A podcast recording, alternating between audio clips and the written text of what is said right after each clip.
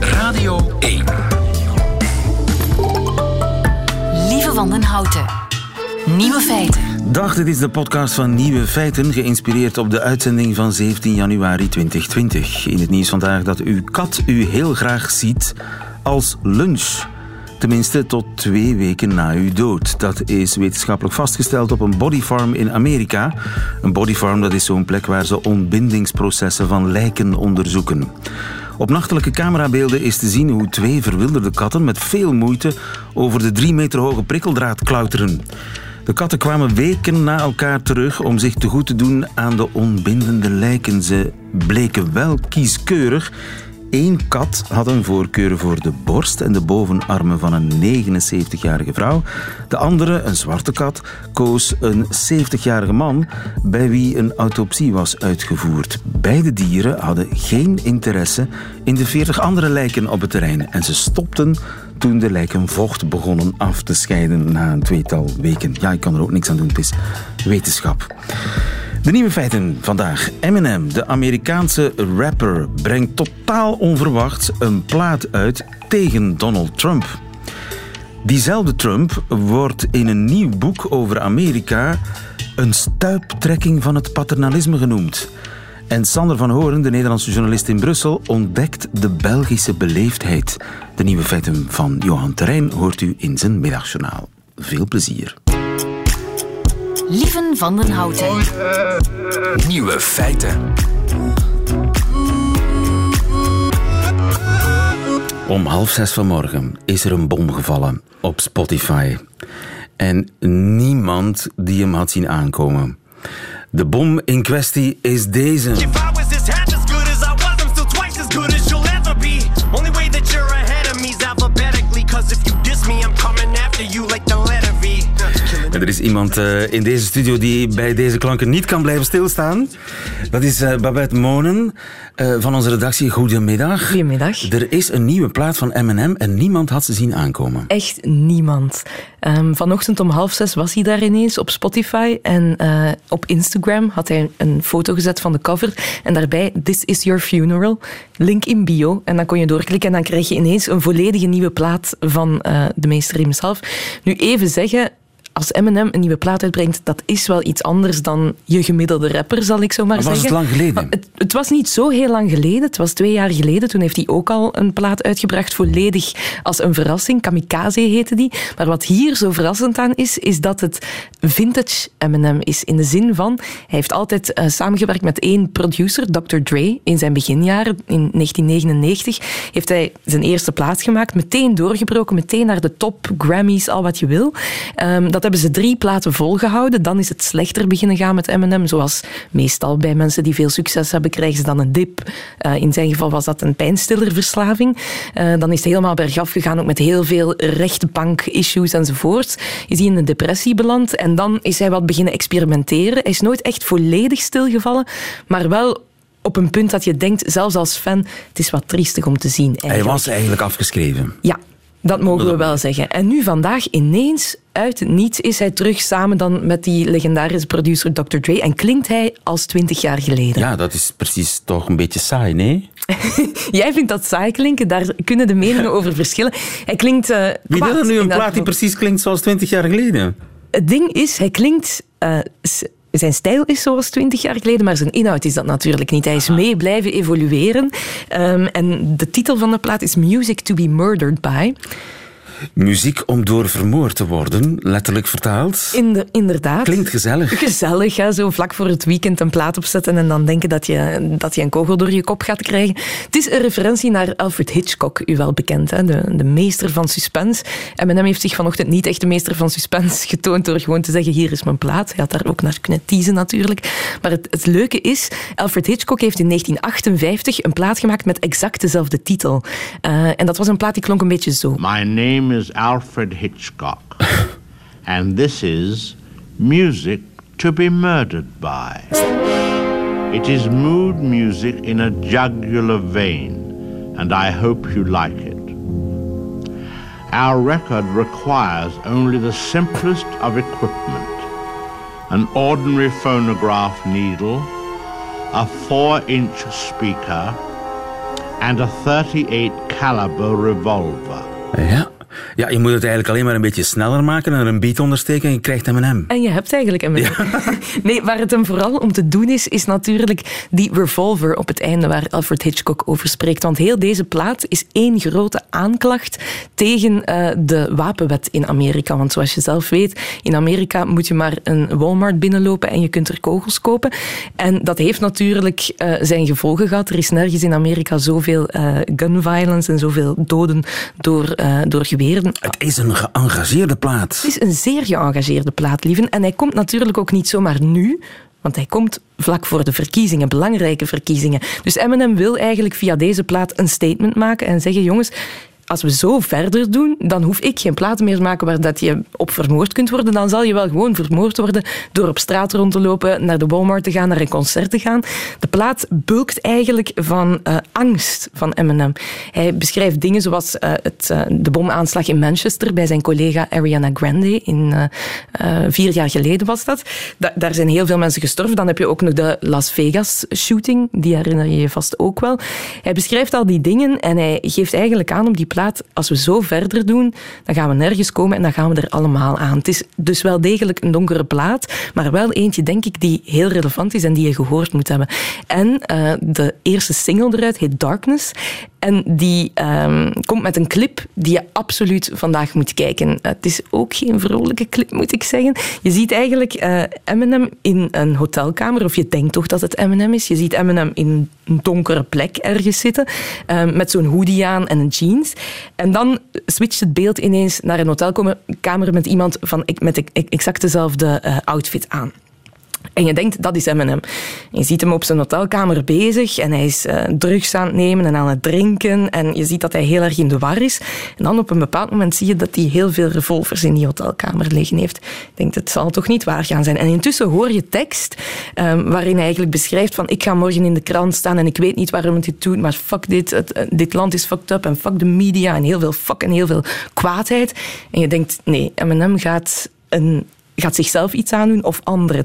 En hij vertelt dan over een concert dat hij achter het gordijn al even komt piepen en kijkt van, ah, er zit nog niet genoeg volk om te beginnen schieten, want ik wil wel, als ik een, een shooting doe, dan moet het wel voor een volle zaal zijn. Heel erg heftig. En dan ineens draait de camera en zie je beelden van de Las Vegas shooting. En besef je, ik zit hier niet naar Eminem te kijken. Ik zit in het hoofd van die Stephen Paddock, die man die in Las Vegas, um, hoeveel mensen was het? 58 mensen gedood heeft en meer dan 800 mensen verwond heeft. Um, en je ziet dan ook inderdaad hoe hij zelfmoord pleegt, hoe de politie binnenvalt. Dan eindigt de clip met uh, een soort van remix van allemaal nieuwsberichten. Another school shooting. Reports of a number of fatalities, and this time it is in Santa Fe, Texas, that is just outside Galveston. Dit zijn allemaal nieuwsberichten over elkaar heen gemixt met allemaal dezelfde boodschap. Hier is een shooting gebeurd, daar is iemand vermoord, hier is iets uit de hand gelopen. En dat blijft maar komen. En intussen zit daar subtiel ook Hello Darkness, my old friend onder. Dat ken je van Simon Darkness, my old friend. Voilà, ik vind dat redelijk briljant. En de boodschap komt ook wel heel erg aan. Dat is audio. Als je naar de video kijkt, dan wordt het nog harder, want je ziet natuurlijk ook al die beelden daarbij. En nadien worden al die beelden ineens Amerikaanse vlaggen. En dan komt er When will this end? Een duidelijke oproep om te gaan stemmen van we moeten deze wapenwetten veranderen. Go vote in 2020. Dan wordt het zwart. En dan weet je van oké, iemand wil een statement maken. Strafkost, dankjewel uh, Babette Monen van onze redactie. En we gaan, laten we maar eens luisteren naar het volledige nummer. Of ik het volledig ga draaien, kan ik niet beloven. Probeer het. Eminem en nieuw werk van hem vanmorgen totaal onverwachts gelanceerd. Darkness.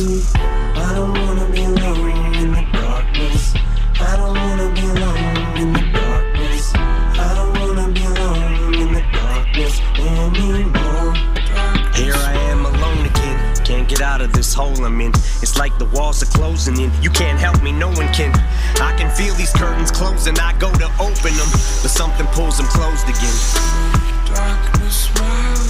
Feels like I'm loathing in Las Vegas. Haven't got the Vegas, why I'm so lost. But I'd make you the small wager. If I bet you I'll be in tomorrow's paper, who would the odds favor? I'm so much like my father. You would think that I knew him. I keep pacing this room, Valium, then chase it with booze. One little taste, it'll do. Maybe I'll take it and snooze, then tear up the stage in a few. Fuck the Colt 45, I'ma need something stronger. If I pop any caps, it better be off of vodka. Round at target distance. But if you'd like to know the reason why I did this, you'll never find a motive. Truth is, I have no idea. I am just as stumped, no signs of mental illness, just trying to show you the reason why we're so fucked. Cause by the time it's over, we'll make the slightest difference. Ja, en de eerste schoten vallen al op die eh, hele donkere nieuwe plaat van eh, Eminem. Ze heet Darkness. Nieuwe feiten.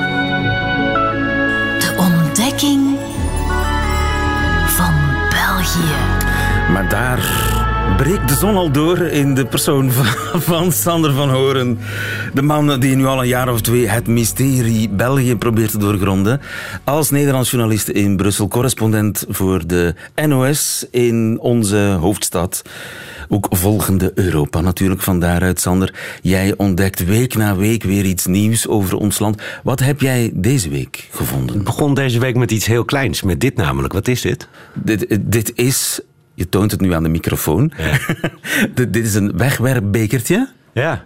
En dat noemen wij een kopje koffie. Tot grote Tuurlijk. blijvende hilariteit van eh, Vlaamse collega's. Met wie ik het Europees Parlement volgde naar Straatsburg, Frankrijk deze week. En eh, we zaten met z'n allen bij elkaar. En de, de, de hilariteit ontstond erin dat wij alles verkleinen. Dus wij zullen nooit een kop koffie zeggen. Het is altijd een kopje. Kopje, Ja. natuurlijk. Ja. Kopje, kopje thee, kopje koffie. Ja, en een biertje. Maar wij gaan daar veel verder in dan eh, de Vlamingen. En, en we probeerden erachter te komen hoe dat, hoe dat komt. En kwamen daar natuurlijk niet achter. Dus dat bleef zo in de achtergrond van mijn ho- hoofd zitten. Waarom de Nederlanders alles kleiner maken? Ja, alles. Alles, maar dan ook echt alles. En eh, volgens mij is dat een, een, een soort egalitair eh, dwang om, om alles maar gelijk te maken, om alles klein te maken. Het Calvinistische, eh, eh, met, met je kop niet boven het maaiveld uitsteken. heel Nederlands, doe maar gewoon, dan doe je al gek genoeg. Dus je moet je vooral... Jullie wonen ook in huisjes. We wonen ook in huisjes, ja, ja, ja, ja zeker. Nee, nee, nee, je moet, maar maar dat- dat verandert wel. Hè? En in, in Nederland, is mijn gedachte, slaat het ook door. Dat egalitaire in het taalgebruik. En dat zegt dus iets. Hè? Taal is eh, natuurlijk voor een groot deel wie je bent. Nou, kijk naar Vlaams, gaan we het zo wel over hebben. Maar het is ook dat wie je bent bepaalt natuurlijk hoe je taal gebruikt. En ehm, het meest opvallend vind ik dat eigenlijk de laatste tijd... als je in Nederland een kopje koffie bestelt in de horeca. Het horeca-jargon. Het horeca-jargon is anders in Vlaanderen dan in Nederland. In Nederland is het vreselijk. Horeca en op de radio. Maar horeca, daar, begon ik mee. Eh, In Frankrijk viel het me nog op eh, eh, dat als jij een bestelling doet, dan zeggen ze c'est parti. Hè, Het is al onderweg. Ja, Ja. precies. En wat, wat zouden ze hier zeggen? Komt eraan of eh, dank u wel misschien? Veel standaard uitdrukkingen heb je daar niet voor, denk ik. In, Nee, in Nederland eh, ga ik voor zorgen. Ga ik voor zorgen? Ja. Komt eraan. Ga ik voor u regelen. Ga ik voor u regelen, ja. En dan denk ik altijd, dat haalt je de koekoek. Daarom zit ik hier namelijk, daar betaal ik jou voor om dat te gaan regelen. Dat is een compleet nutteloze eh dienstmededeling. Ik denk dat de Vlaamse ober gewoon zegt, dank u wel Precies. voor uw eh, bestelling. En wat erachter zit, valt mij steeds meer op in het Nederlands, is dat je, je bent elkaars gelijken. Dus die dienstverhouding die er in België in zit, hè, dus je, je komt ergens, iemand bedient jou, dat is, in Nederland is dat not done. Degene die jou bedient, het zou eigenlijk zomaar omgekeerd kunnen zijn. Diegene zou eigenlijk jouw vriend zijn en bij jou aan tafel zitten. En toevallig, maar dat is strikt genomen echt puur toeval. De ober gedraagt zich als jouw vriend. Ja. En dat zie je dus ook in het taalgebruik. Op het moment dat het gerecht gebracht wordt, dan zal je eh, in, in, in Frankrijk of België uitgelegd krijgen wat het is. Bon appétit. Nou, eet smakelijk, dat is in Nederland volstrekt in de ban gedaan. Hè? Jazeker. Het, het begint ermee met: hier heeft u een stukje. Kijk eens. Nee, nee, ja, nee, nee, nee, nee, nee, nee, nee, dat is wat. Nee, nee, hier, nee, het moet deftig. Dus hier heeft u een stukje vlees, natuurlijk een, een stukje, eh, maar een, een mooi stukje vlees. Mooi stukje vlees. Ja. Terwijl, daar ga ik een beetje van uit, want anders dan kom ik hier niet. Of, erger nog, een lekker stukje vlees. Dat zegt de Nederlandse ober. Dat zegt de Nederlandse ober. En daarbij Wordt wordt een het beetje neerbuigend eigenlijk, hè? neerbuigend en het wordt ook een gebod. Want daarachter volgt niet eet smakelijk of bon appetit, volgt geniet ervan. Ja, oké. Dat dacht ik zelf nog wel even uit te maken. Maar je merkt het ook op de radio, hè, waarbij het me opvalt als je, als je naar M&M of 3FM luistert, hè, de equivalent of Stubru en 3FM in Nederland, of de beide Q-musicen. Ehm, in Vlaanderen is de DJ een bediende. Een bediende van de luisteraar.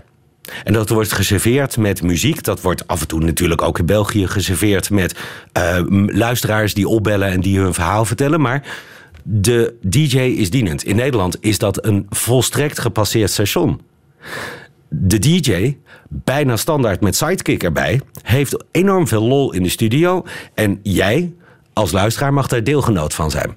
Sterker nog, je mag zelfs als een soort derde sidekick inbellen in de uitzending. Maar alleen ter meerdere ere glorie van jouw gelijke, de DJ in dit geval. En dat merk je ook dat. eh, zet maar eens een Nederlands radiostation aan. Er wordt enorm veel gelachen, maar er wordt heel veel gelachen. Buiten de luisteraar om. Twee sidekicks in de studio. Die hebben enorm veel lol om elkaar schrappen.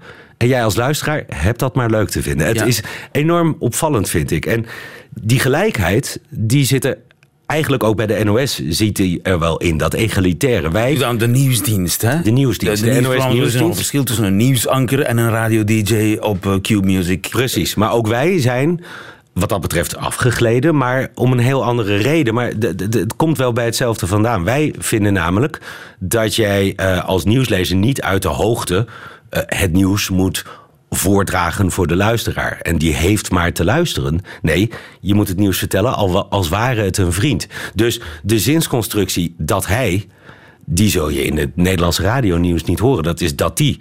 Eigenlijk bijna met dubbel T geschreven. Oké. En de, de, de, Vlaamse nieuwslezer is formeler. Die is deftiger. formeler. Die is veel meer de bediende, daar ga je weer, van het nieuws. En dat, dat zit hem, als je daar goed naar gaat luisteren... en ik ben nu pas eigenlijk net begonnen... maar dan, dan zit dat in veel meer dingen. Een woord wat bij ons al heel lang in de ban is gedaan... bij ons, bij de NOS, bij het NOS Radio Nieuws... is het moeten. Moet jij vanaf nu, moet u als luisteraar vanaf nu... maar eens gaan opletten bij de VRT-nieuwsdienst... hoe vaak dingen moeten. De brandweer moest eh, eh, eh, de, de, de, het vuur, of de brandmeester verklaren, maar ook de politie moest het waterkanon inzetten. Nou, niet van de demonstranten. Voor mij hoeft het ook niet per se. Dus, dat- van wie dat moest dat je, eigenlijk? Dat zeg je niet. De Nederlandse journalist zegt niet dat moest gebeuren. Want altijd is daarbij de vraag van wie dan? En dat is een, een, een- een, manier van, van direct taalgebruik, maar ook van, van egalitair taalgebruik misschien eigenlijk, die je in België nog niet hebt. Ik zeg nog niet, want ik denk dat België hier gewoon eh, anders is. En natuurlijk, hè, het ik beschouw de luisteraar wel als vriend, maar een vriend die ik u noem. Oh ja, ondenkbaar in Nederland. Ja. En die ik, die ik weliswaar zeer eh, eh, welwillend bejegen. Maar dus als iemand die ik op een, op een receptie zou ontmoeten en daar een, een gesprek mee heb. Maar Ja. ik, ik, ik sla niet mijn arm om hem heen. Ja. Ja, nee, en dat is toch wel op de Nederlandse radio zo. En, en, en in het radionieuws krijg je dat ook terug. Maar ik denk dat het in België ook een kwestie van tijd is. Ik bedoel, Het is een kwestie van taal ook, want we hebben niet echt zoiets als een, een standaard informele taal. Nee. Want we hebben een informele taal, verkavelingsvlaams, maar die varieert heel erg van streek tot streek. Dus dat is de eerste reden om waarom je- die taal gebruiken, dan, dan zou daar heel veel Vlaamsigheid, echte, ik bedoel Oost-Vlaamsigheid, in doorklinken. En dat pikt een Limburgse taal is hier ook in tegenstelling tot Nederland bevochten. Daar hebben we het natuurlijk ook heel vaak over gehad. Hè? Universiteiten waar in Nederland elk derde woord Engels is. Maar het viel me gisteren op in de, de eh, ideale wereld. Er zat een cartooniste, eh, jong. En, en die, die, die, die slingerde de Engelse woorden er eh, doorheen alsof het een aard had. En, en ook inderdaad niet vervlaamst. Hè? Want er zitten hier heel veel pampers, laptop. eh, allemaal vervlaamste Engelstalige leenwoorden in. Het is een kwestie van tijd. Ik bedoel, je kunt mij niet voorstellen dat de ehm, eh, scholier van tegenwoordig, die inderdaad ook, nou, mijn dochter op een middelbare school in Brussel, die eh, praat halve Arabische woorden er doorheen, want dat gebeurt daar op het schoolplein. Ik ga mij niet voorstellen dat je die uiteindelijk in het Hoog-Vlaams blijft toespreken. Dus het zal hier ook wel gebeuren. En dan zul je ook wel zien wat in Nederland dus op dit moment aan de orde is, dat het gaat doorslaan. Het gaat. We we zijn al de hele tijd over taal bezig. Niettemin, je ontsnapt er niet aan. Het taaltestje. Ah. Examen Vlaams. We moeten eens klappen. Eh, praten, ja. Juist! Ja. Wauw. Maar bijpraten meer, denk ik, hè? Klappen. Ja, nee, klappen. Eh, bij- we moeten eens bijpraten, ja, maar we, we moeten eens klappen. Dat is meestal slecht nieuws. We, Ja. moeten, we moeten, we moeten Ja. praten. ja, we hebben al lang niet meer gepraat. Te lang. Ja. Ja. Of er is een probleem, we moeten eens klappen. Dat vind ik toch aardig. Ik vind hem maar een aardige mens. Aangenaam, ja. Nee, Juist niet. nee juist niet. Eigenaardig. Eigenaardig. Ah, oké. Raar. Raar. Oh, wat grappig. Vul aan. Zo fier als ne. Pauw. Goed. Maar in het Vlaams is, het, is er nog iets... Want ik zei ook... Zo, we hadden een kleine discussie op de redactie. Ja. Iemand zei, ja nee, het is zo fier als een gieter. Als een gieter. Ja. Maar als een pauw wordt in Vlaanderen ook gezegd. hoor. Trots als een pauw is het bij ons. Trots, wij zijn vier. Hier. Ja. Meestal. Tenminste, als we informeel praten. Alhoewel, vier, ik denk... Nee, dat... Vier, vier kun je ook gewoon op Ja. de, kan ik gewoon ook op de radio zeggen. Ze bruiswater. Ja, zeg, spaarrood. Oké, ik wou het je even makkelijk... Ja, ik bedoel, vorige week had je niks goed. ja, dankjewel. Maar, maar, maar, maar nu toch al eh 1, 2, eh 3 op de 4 goed. Dat gaat bijzonder verbluffend goed zelfs. Op uw kin kloppen. Op uw kin kloppen. Ja. Eh, dan, dan ga ik op het kloppen, want overduidelijk weet ik het niet. En dan zou ik zeggen op de borst kloppen, dus trots zijn. Nee, nee, nee. Ook weer tegenovergesteld. Op uw kin kloppen. Ik, ik vind het leuk als je gokt. Tweede gok. Het tweede gok, dat is juist Maar dan ik zal, zal misschien... Oh, hij moest... op- Oh, we zitten hier al uren op onze kin te kloppen, zeg. te babbelen. Ook weer. Nee, nee, nee. Op te scheppen. Nee. We krijgen niks. Geen drank, geen eten. Oh, oké. We moeten het zonder eten stellen of, eh, ja, of het kan ook bij achter het net vis. Hij moest op zijn kin kloppen. Eh, niet gehaald. Oké. Buit niet binnen. Ja. Gebuist dus een beetje. Ja, je kan niet eten, bij wijze van spreken, dus moet je op je kin kloppen. Zoiets. Ik denk dat dat de verklaring is. Weet ik veel. Maar toch, eh, gefeliciteerd. Ja, net voldoende. Ja, meer, dan- meer dan dat zelfs. Tot volgende week. Radio 1. Nieuwe feiten. U herinnert zich ongetwijfeld Oprah Winfrey op de Golden Globes twee jaar geleden haar legendarische speech.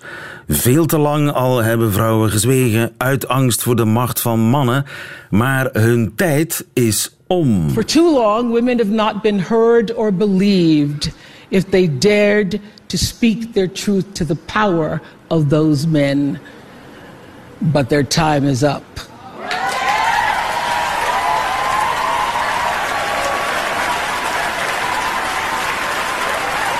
Their time is up.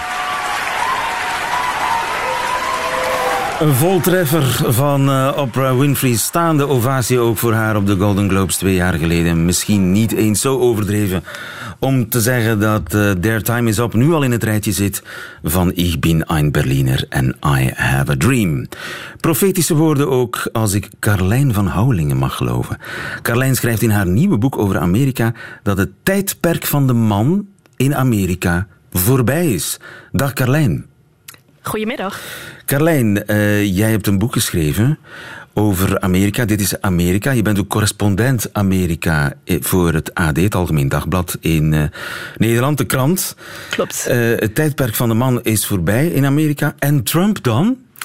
Nou ja, voorbij, dat is misschien wat, wat sterk gezegd, maar de man staat wel in veel opzichten heel zwak in Amerika. De, eh, in de crisis eh, verloren mannen vooral banen. En op dit moment komt de banengroei vooral van, eh, van de zorg, waar vooral vrouwen werken. De meeste diploma's gaan naar vrouwen.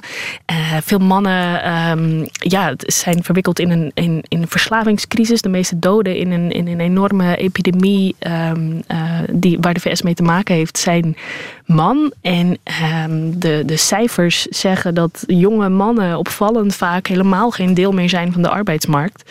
Dat heeft overigens ook gevolgen voor vrouwen, want het betekent dat voor elke 100 werkende ongetrouwde vrouwen maar 65 werkende get- ongetrouwde mannen zijn. Dus de huwelijken eh, lijden daaronder. De huwelijksgraad gaat naar beneden. Dus de man verliest op alle mogelijke terreinen terrein. Maatschappelijk, hij, de jobmarkt groeit aan, aan de vrouwenkant. Eh, Amerikanen willen zelfs liever een meisje dan een jongen tegenwoordig in de fertiliteitskliniek, las ik.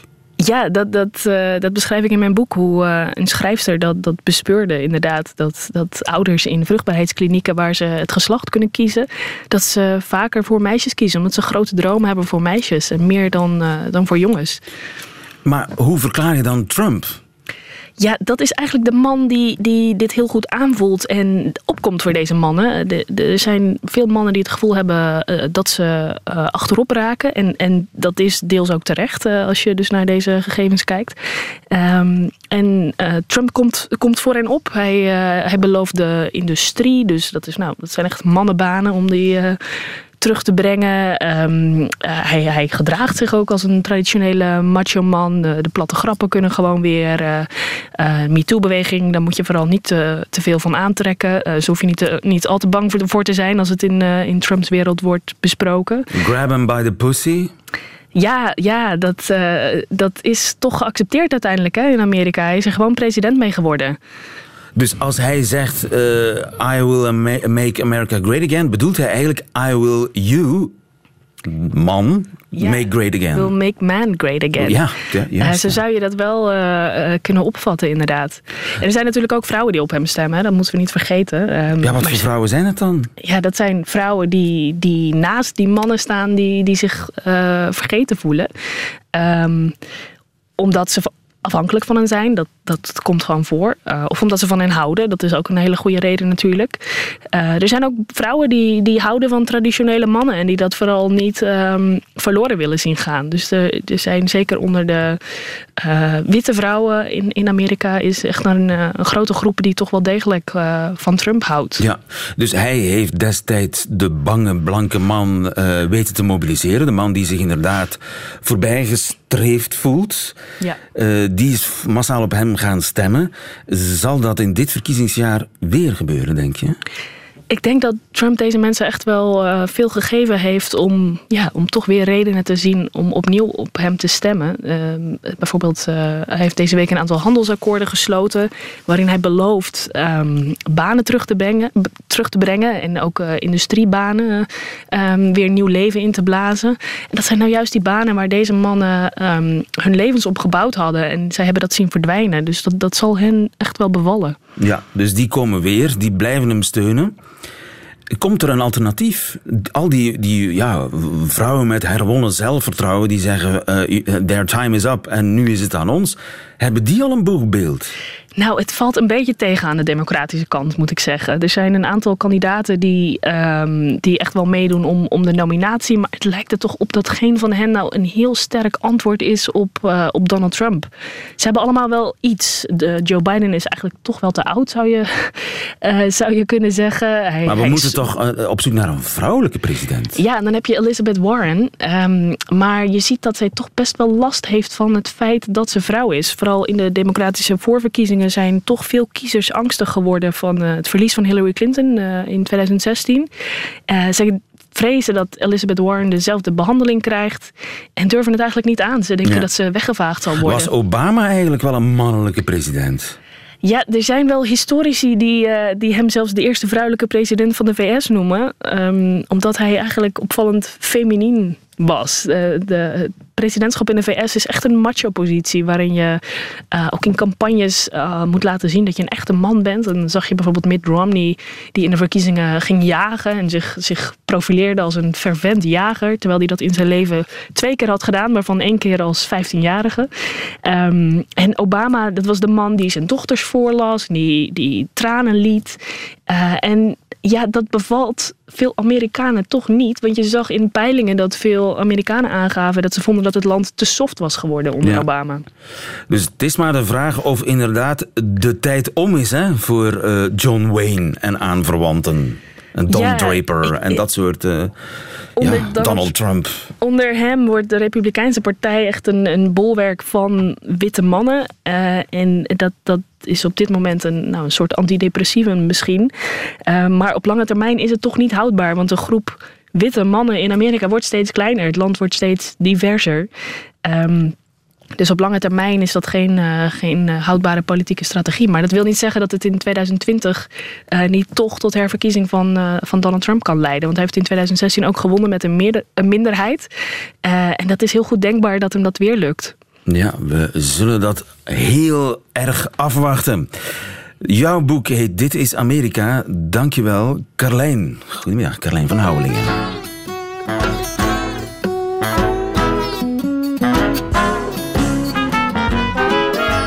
Dat waren ze, de nieuwe feiten van vandaag, 17 januari. Alleen nog die van Johan Terrein heeft u te goed. U krijgt ze in zijn middagjournaal. Nieuwe feiten. Middagjournaal. Beste luisteraar.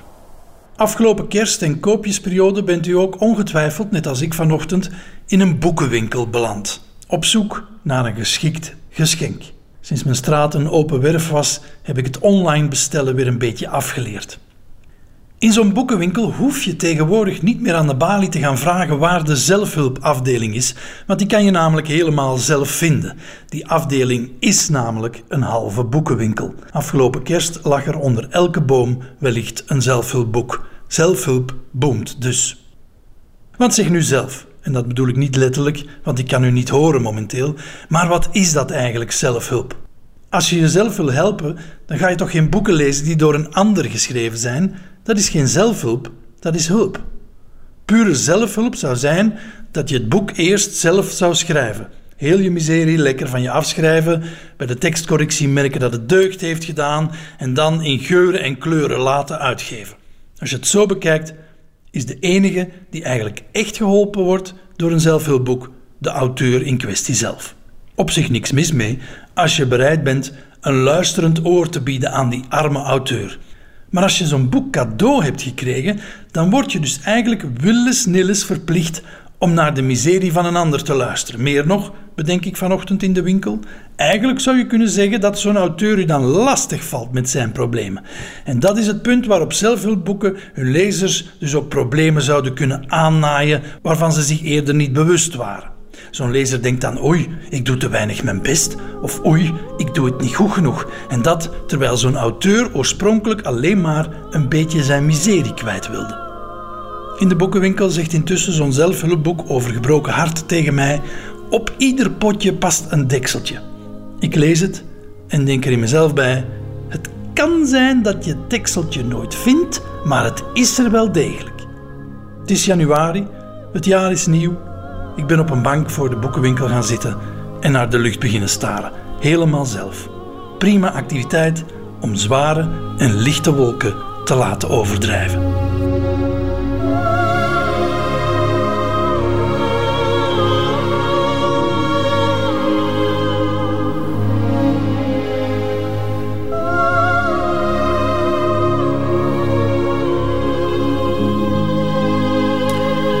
Het middagjournaal van Johan Terrein. Einde van deze podcast. Hoort u liever de volledige uitzending met de muziek erbij? Dat kan natuurlijk op onze luisterapp, de app van Radio 1, of op de site radio1.be. Daar vindt u overigens nog veel meer fijne podcasts. Tot een volgende keer.